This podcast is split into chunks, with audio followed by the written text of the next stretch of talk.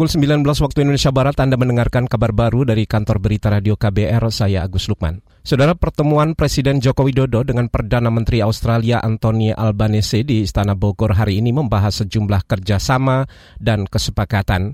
Jokowi mengatakan salah satu yang dibahas adalah tentang kerjasama di bidang ekonomi, di mana Presiden mendorong perluasan akses ekspor produk Indonesia ke Australia. Saya menyampaikan pentingnya perluasan akses ekspor produk Indonesia dengan nilai tambah tinggi ke Australia, misalnya otomotif. Ekspor perdana mobil CBU completely built up buatan Indonesia ke Australia telah dimulai di bulan Februari yang lalu. Dan saya mengharapkan akses ekspor seperti ini akan terus terbuka.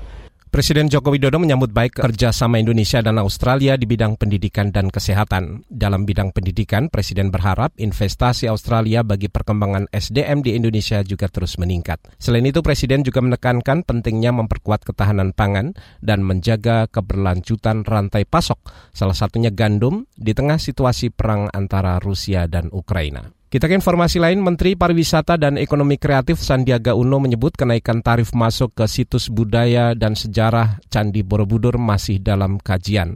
Ia mengakui rencana tarif masuk stupa Borobudur sebesar Rp750.000 per orang menimbulkan perdebatan karena dinilai memberatkan masyarakat.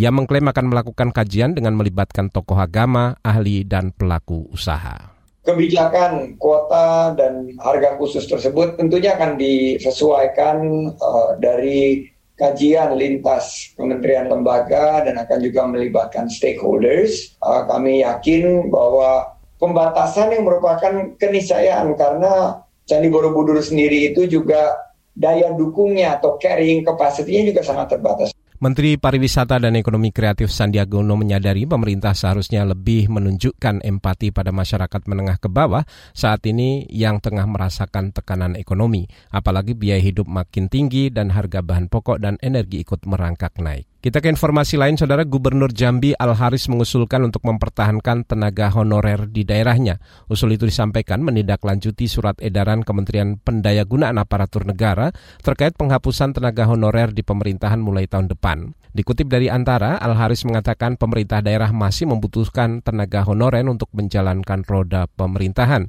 sebab formasi CPNS di Jambi tidak ideal. Ia mengatakan dalam satu tahun ada 500-an PNS di Jambi yang memasuki usia pensiun, namun tidak ada penerimaan CPNS untuk mengisi kekosongan tersebut. Demikian kabar baru dari KBR, saya Agus Lukman.